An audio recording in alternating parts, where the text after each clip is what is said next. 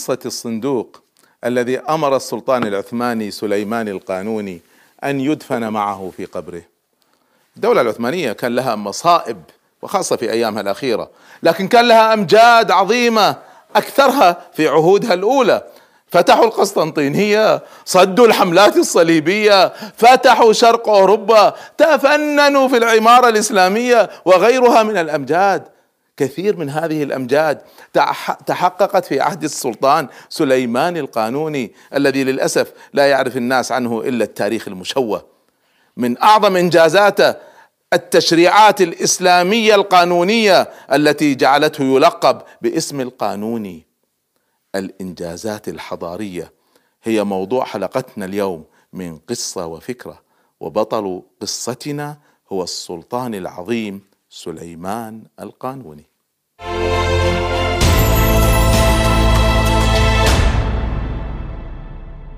نحن الآن في القرن الأخير من الألفية الهجرية الأولى يعني في نهاية الألف سنة الأولى من الإسلام حيث الدولة هي الدولة العثمانية والسلطان هو الخليفة سليمان القانوني العثماني. الذي للأسف لا يعرف عنه بعض الناس أي شيء إلا من من خلال هذا المسلسل المنحرف الذي شوه سمعته حريم السلطان. أعرفكم به. ولد سليمان القانوني في طرابزون في عام 900 هجرية 1495 ميلادي. هذا على فكرة بعد سقوط الأندلس بثلاث سنوات فقط. وكان والده آنذاك واليا على طرابزون واهتم به والده. اهتماما عظيما فنشأ محبا للعلم محبا للأدب والعلماء والأدباء والفقهاء. اشتهر منذ شبابه بالجدية بالوقار.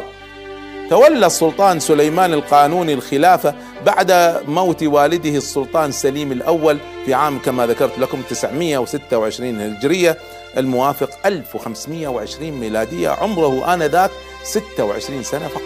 وقد كانت الأعمال التي أنجزها السلطان في فترة حكمه كثيرة جدا ذات شأن عظيم في حياة الدولة العثمانية بل حياة المسلمين. في الفترة الأولى من حكمه نجح في بسط هيبة الدولة وضرب على أيدي الذين خرجوا عليها بلاة طامحين إلى الاستقلال يريدوا تفريق الأمة. معتقدين أن صغر سن السلطان فرصة سانحة حتى يحققوا أحلامهم. لكنهم تفاجأوا بعزيمة السلطان القوية التي لا تلين. قضى عليهم واحد تلو الآخر. تمرد الغزالي في الشام أحمد باشا في مصر جلبي في آه، قونيا ومرعش.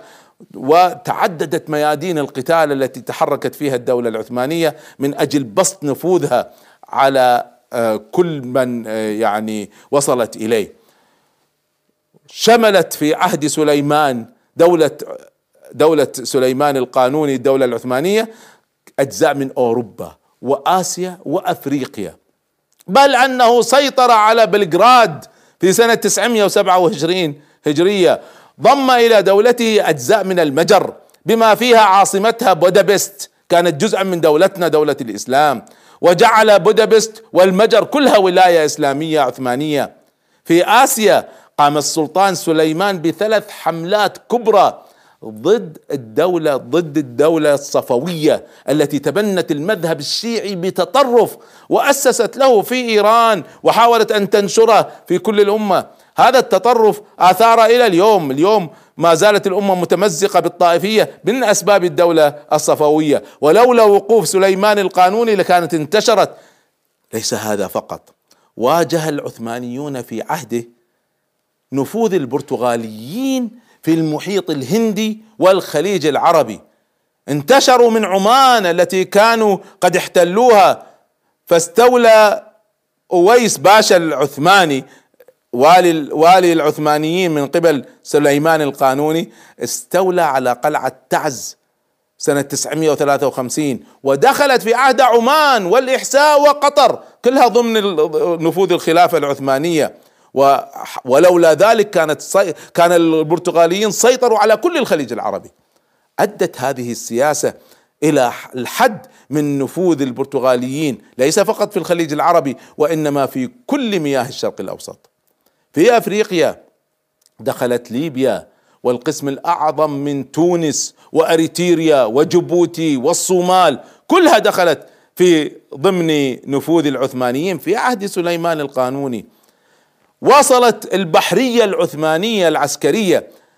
نمت نمو كبير جدا منذ أيام السلطان بايزيد الثاني لكن أصبحت مسؤولة عن حماية مياه البحار التي تطل عليها الدولة العثمانية. في عهد سليمان زاد قوتها على نحو لم تشهده ابدا من قبل. وكان من من قادته المشهورين حتى عند الغرب أنا أقرأ هذا في الكتب الغربية خير الدين بربروس من أعظم القادة العثمانيين. كان يقود اسطولا قويا يهاجم به سواحل أسبانيا والسفن الصليبية في البحر المتوسط. خير الدين هذا بربروس ما يعرف الناس فضله ولا يعرفون فضل سليمان القانوني. بفضل المساعدات التي كان يتلقاها بربروس والأوامر من سلطان السلطان سليمان القانوني كان يضرب السواحل الإسبانية وانقذ آلاف المسلمين في أسبانيا اللي كانوا يتعرضوا لإبادة بعد ما سقطت الأندلس. تعرفون؟ إبادة كانت على يد محاكم التفتيش النصرانية هذا بعد سقوط الأندلس. فقام في سنة 935 هجرية سبع رحلات سبع رحلات قام بها بربروس إلى السواحل الإسبانية. نقل فيها سبعين ألف مسلم أنقذهم من قبضة محاكم التفتيش الإسبانية ونقلهم تم نقلهم إلى المغرب العربي. أوكل السلطان سليمان القانوني كذلك إلى خير الدين بربروس قيادة الحملات البحرية في كل الغرب البحر المتوسط. طبعا حاولت إسبانيا تقضي على أسطولة لكن كل مرة تحدث معركة كانت تخفق وكانت تتكبد خسائر فادحة. أقسى الهزائم التي تلقاها الإسبان على يد العثمانيين بقيادة بربروس وخلافة سليمان القانوني معركة بروزة في سنة 945 هجرية. انضم أسطول خير الدين بربروس إلى الأسطول الفرنسي كذلك في حربهما على إيطاليا كان هناك حلف عسكري بين فرنسا والعثمانيين ضد أي عدو مشترك وساعد خير الدين بربروس ساعد الفرنسيين في استعادة مدينة نيس. كانت بيد الإيطاليين سنة 950 هجرية. هذا الذي أدى اسمعوا أن فرنسا تتنازل عن ميناء طولون الفرنسي. برضاها تنازلوا عنه للإدارة العثمانية. وتحول هذا الميناء الحربي الفرنسي إلى قاعدة حربية إسلامية للدولة العثمانية في خلافة سليمان القانوني. وصار مركز لكل البحرية الإسلامية في غرب البحر المتوسط. هذا كله فقط في الجانب العسكري من عهد سليمان القانوني. دعونا ننظر الآن إلى الجوانب الأخرى من حياته والتي تظهر جانبا عظيما هو أن الإنجازات الحضارية هي التي تجعل الحاكم خالدا. ليس الصراعات السياسية وليس الانقلابات وليس قتل الأعداء والخصوم. وإنما الإنجازات الحضارية هي التي تخلد الحكام ليس الصراعات السياسية بالذات. كان السلطان سليمان القانوني شاعرا له ذوق فني رفيع وكان خطاطا من الطراز الأول يجيد الكتابة وكان ملما بعدة لغات. من بينها كان يتكلم العربية بطلاقة. كان بصيرا بالأحجار الكريمة كان مغرما بالبناء والتشييد الحضاري. ظهر هذا في آثار دولته. طبعا بسبب الغنى الكبير الذي وصلت الدولة أنفق بسخاء على المنشآت الكبرى. شيد المعاقل والحصون. حصون المسلمين في رودس في بلغراد. وأنشأ المساجد والصهاريج والقناطر في أنحاء الدولة خاصة في دمشق مكة بغداد. بالإضافة طبعا إلى ما أنشأه في إسطنبول عاصمتهم من روائع الحضارة والعمارة. تختلف هذه عن باقي العمارة بالذات تختلف عن باقي جوانب الحضارة في أمرين. العمارة اولا أمرها بارز واضح ما نحتاج نقرأ كتب ونبحث عنها. الأمر الثاني هو خلودها على مر الزمان. العمارة خالدة روحوا الآن إسطنبول. شوفوا آثار العثمانيين بالذات آثار سليمان القانوني. طبعا على فكرة يعني بعض الناس يقول آه، هذا الإنفاق فيه إسراف. ما في حرج من الإنفاق الواسع على العمارة. هي تخدم المسلمين هي تريح المسلمين تظهر عزة وحضارة وفخامة المسلمين. بشرط أن تكون بعد تلبية حاجات الناس. ما يبنون مساجد فخمة جدا والناس تعيش في فقر ولا يبنون آه، قصور هائلة والناس ما هي قادرة تحصل على وظيفة. وشعارنا في ذلك كله البشر قبل الحجر. في عهد سليمان القانوني ظهر في عصره أشهر المهندسين المعماريين في كل التاريخ الإسلامي. المهندس سنان باشا الذي اشترك مع الحملات في الحملات العثمانية واطلع على كثير من الطرز المعمارية حتى استقام له اسلوبه الخاص الفريد.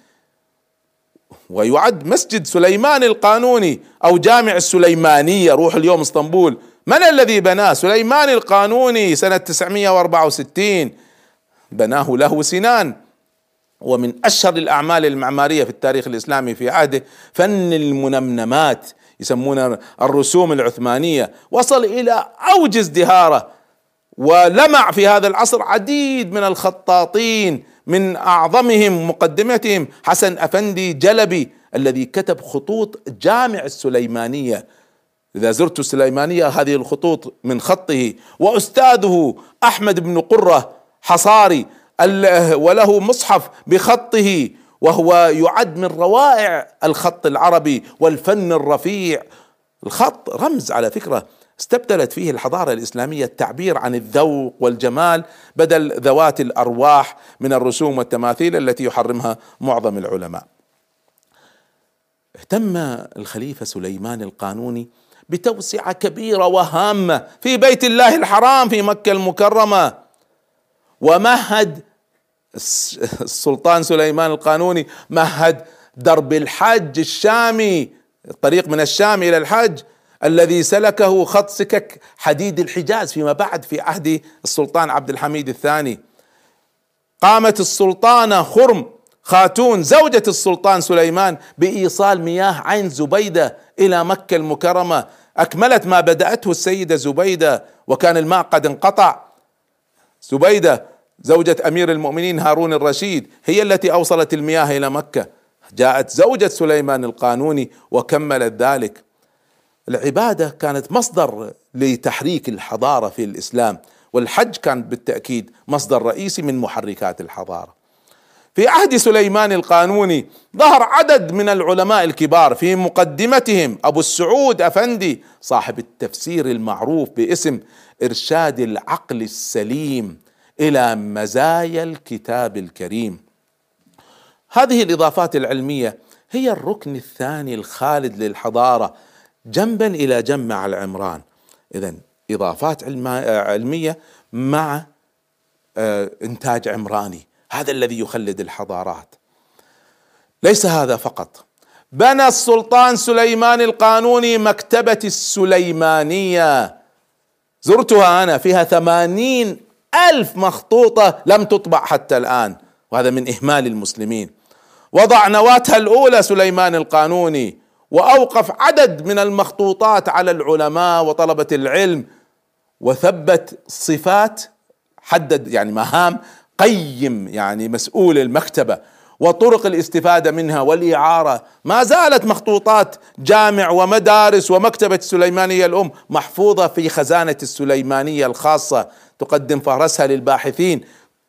إلى اليوم كل هذه الإنجازات لم تكن سببا في إطلاق اسم القانوني على السلطان سليمان. كل هذه ليست هي سبب عظمته وإنما السبب سنعرفه بعد الفاصل إن شاء الله.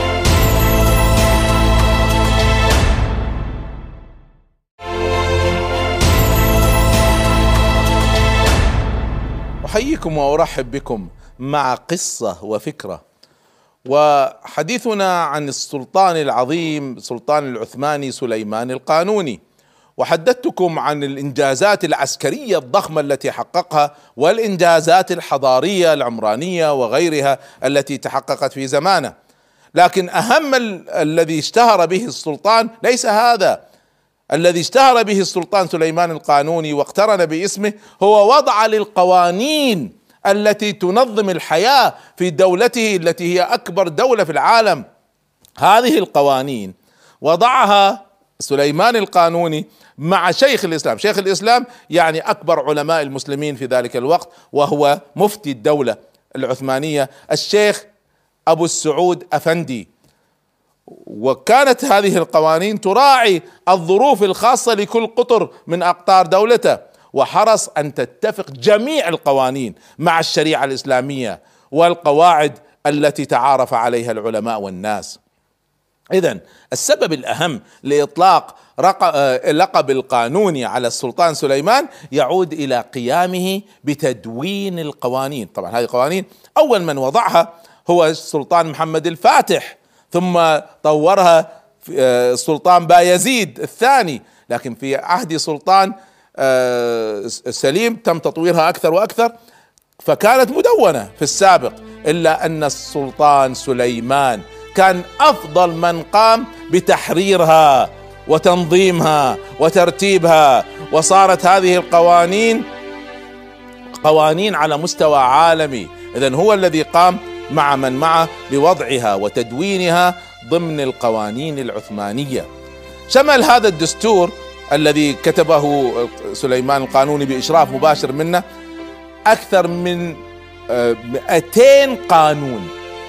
كل قانون ينظم شيء من أجزاء الدولة قانون تجاري قانون مالي قانون آه، جمارك 200 قانون. نظمت الشريعة وحولتها إلى أحكام قانونية واضحة التطبيق. هذا أمر أساسي لبناء الحضارة الإسلامية الحديثة. أحكام الشريعة نعم موجودة في كتب الفقه لكن كيف يحكم بها الناس؟ لابد أن تتحول إلى قوانين خاصة أن الكتب الفقهية فيها اختلافات فلا بد من حسم هذه المسألة. اذا السلطان السليماني القانوني لم يضع قوانين فيها مخالفة لأي شيء في الشريعة الإسلامية. كل ما فعله حول الأحكام الشرعية إلى قوانين للمحاكم استنادا على فتاوى كبار الفقهاء وعلى رأسهم شيخ الإسلام أبو السعود الأفندي. فاذا كما تعلمون في الإسلام هناك أقوال آراء للفقهاء وهناك أقوال راجحة وأقوال مرجوحة أقل شأنا. اختار السلطان سليمان في بعض المواقع مواضع أقوال ليست مشهورة لكنه استند إلى قناعة كبار العلماء ورأيهم من أمثال أبي السعود أفندي واختاروا بعض الأقوال المرجوحة لكن رآها أقرب لمصلحة العباد حسب شروط وظروف عصره. والقاعدة هنا قاعدة احفظوها أن حكم الحاكم يرفع الخلاف. فما دام هناك خلاف بين الفقهاء هذا هذا حكم شرعي وهذا حكم شرعي.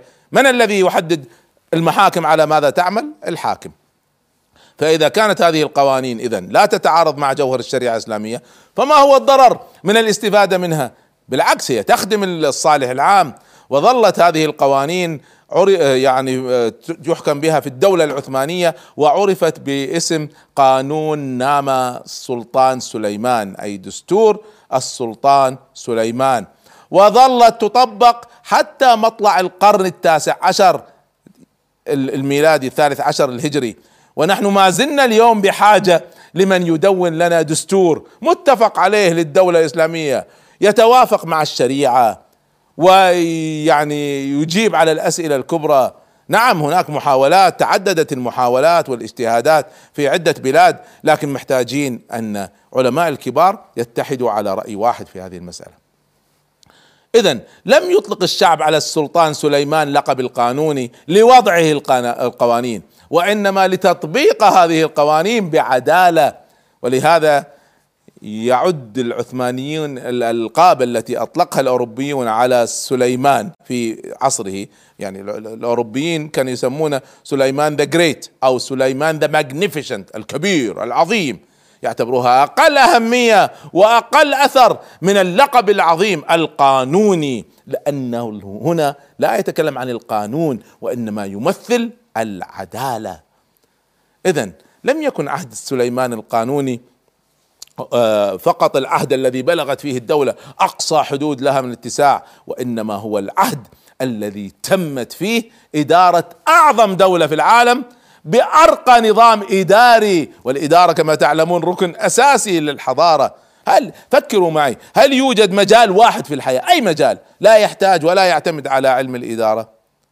إذا كان رحمه الله تعالى على مقدرة كبيرة من التنظيم والتشريع بالإضافة أنه كان ورعا حريصا على ألا يخالف الشريعة في شيء. وكان الناس يستدلون على يعني حرصه على الشريعة أنه نسخ بيده القرآن ثمان مرات. يعني مش قرأ القرآن ثمان مرات كتب القرآن كاملا بيده ثمان مرات وهذه النسخ ما زالت موجودة اليوم في مكتبة مسجد السليمانية في إسطنبول. القوانين التي وضعها سليمان القانوني ودونها في عهده شكلت ثلاث مجلدات ضمن مجموع كل القوانين العثمانية التي صدرت ونشرت في 12 مجلد. كما ذكرت لكم قوانين تشمل أكثر من 200 قانون منظم لكل ما تحتاجه الناس وفق الشريعة الإسلامية. إذا السلطان سليمان القانوني وصل إلى القمة في الإدارة في القوانين في العمارة في الحضارة في الفنون في الآداب. ودولته استلمها كانت 6 ملايين متر مربع تركها كانت 15 مليون متر مربع. وين جماعة حريم السلطان؟ هذا هو سليمان القانوني. بالإضافة لهذا لم يترك السلطان سليمان القانوني الجهاد قط. في أواخر أيام السلطان سليمان أصابه مرض النقرس. كان ما يستطيع يركب الخيل. لكن كان يتحامل على نفسه اظهارا للقوة أمام اعدائه بلغ عمره 74 سنة ومع ذلك عندما عرف أن ملك الهايسبرغ أغار على ثغر من ثغور المسلمين قام سليمان للجهاد بنفسه مع أنه في شدة الألم شدة المرض وقاد الجيش بنفسه وخرج على رأس جيش عرمرم في التاسع من شوال 973 هجرية أبريل 1566 ميلادية وصل إلى مدينة سكتوار المجرية كانت من أعظم ما شيده المسيحيون من القلاع في العالم في ذلك الوقت. مشحونه بالبارود مدافع. نصحه الأطباء نصح طبيب الخاص ما ما يصير تخرج. هذا النقرس الذي بك قد يؤذيك قد يقتلك. فكان جواب السلطان سليمان الذي خلده التاريخ أحب أن أموت غازيا في سبيل الله. كان عمره وصل إلى كما ذكرت 73 أو 74 سنة. كان يملك تحت قبضته نصف الدنيا ملوك الأرض كلهم يخشونه. كان بإمكانه يتمتع بحياة القصور وحريم السلطان ومع ذلك أبى إلا أن يخرج غازيا في سبيل الله. وفعلا خرج بنفسه على رأس الجيش وهو لا يستطيع أن يركب جواد.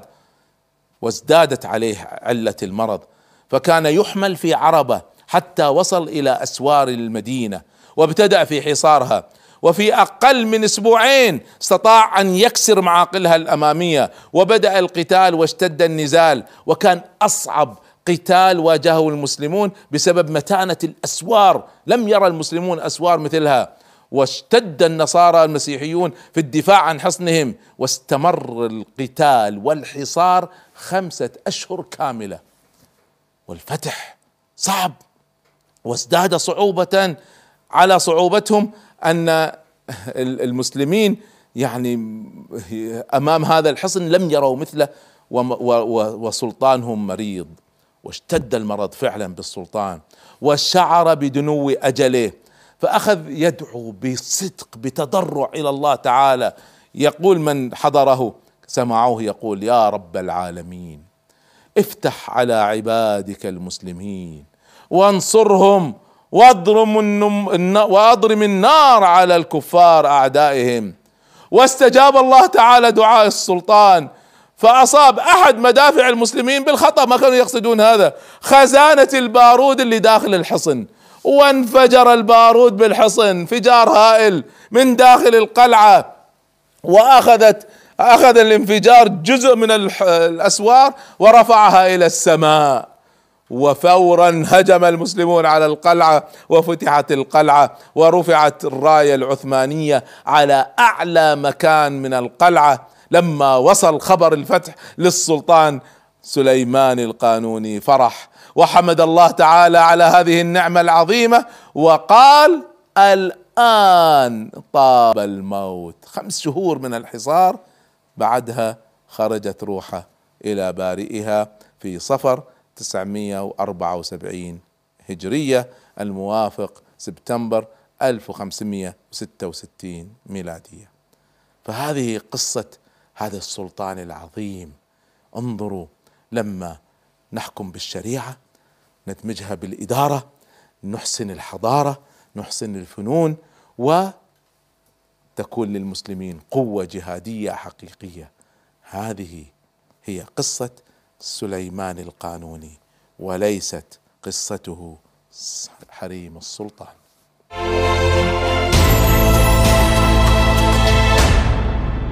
عندما علم المسلمون بخبر وفاة السلطان سليمان القانوني عمهم الحزن بينما على الجانب الأوروبي ما فرح النصارى بموت أحد بعد بايزيد الأول ومحمد الفاتح كفرحهم بموت السلطان سليمان المجاهد. جعلوا يوم وفاته عيدا من أعيادهم. دقت أجراس الكنائس في أوروبا فرحا بموته. أثناء التشييع وجدوا أنه قد أوصى بوضع صندوق معه في القبر. فتحير العلماء. ظنوا أن هذا الصندوق قد يكون مليء بالمال أو الجواهر. وقالوا لا يجوز إتلاف المال أو الجواهر تحت التراب ولو كان للسلطان. فقرروا فتحه فأخذتهم الدهشة عندما رأوا أن الصندوق ممتلئ بفتاوى العلماء التي حولها إلى قوانين. فراح الشيخ أبو السعود يبكي قائلا أنقذت نفسك يا سليمان. أي سماء تظلنا وأي أرض تقلنا إن كنا مخطئين في فتيانا. هل اكتفى السلطان بالمجد العسكري؟ لا. جمع معه مجدا آخر حتى سمي بالقانون فكان سلطان المثقفين ومثقف السلاطين كما قالوا عنه أين هذا؟ أين هذا المجد كله من الصورة الزائفة التي شوهت صورة السلطان؟ أظهرته أنه مجرد زير نساء محب لشرب الخمر. الهدف من تشويه البطولات بهذا الشكل هو تحطيم القدوات تحطيم النماذج الإنسانية القيادية التي تركت بصمتها في التاريخ. وبالتالي تحطيم معنويات الأمة الإسلامية بتشويه تلك النماذج وتسفيهها وقتل التقدير لها في النفوس والعقول من خلال دس قصص غرام وهمية تماما مثل ما فعل جورجي زيدان في روايات تاريخ الإسلام. قبل أن أستودعكم الله انشروا مقولة السلطان سليمان القانوني. عندما أموت اخرجوا يدي من التابوت لكي يرى لكي يرى كل الناس أنه حتى السلطان خرج من هذه الدنيا بيد فارغة.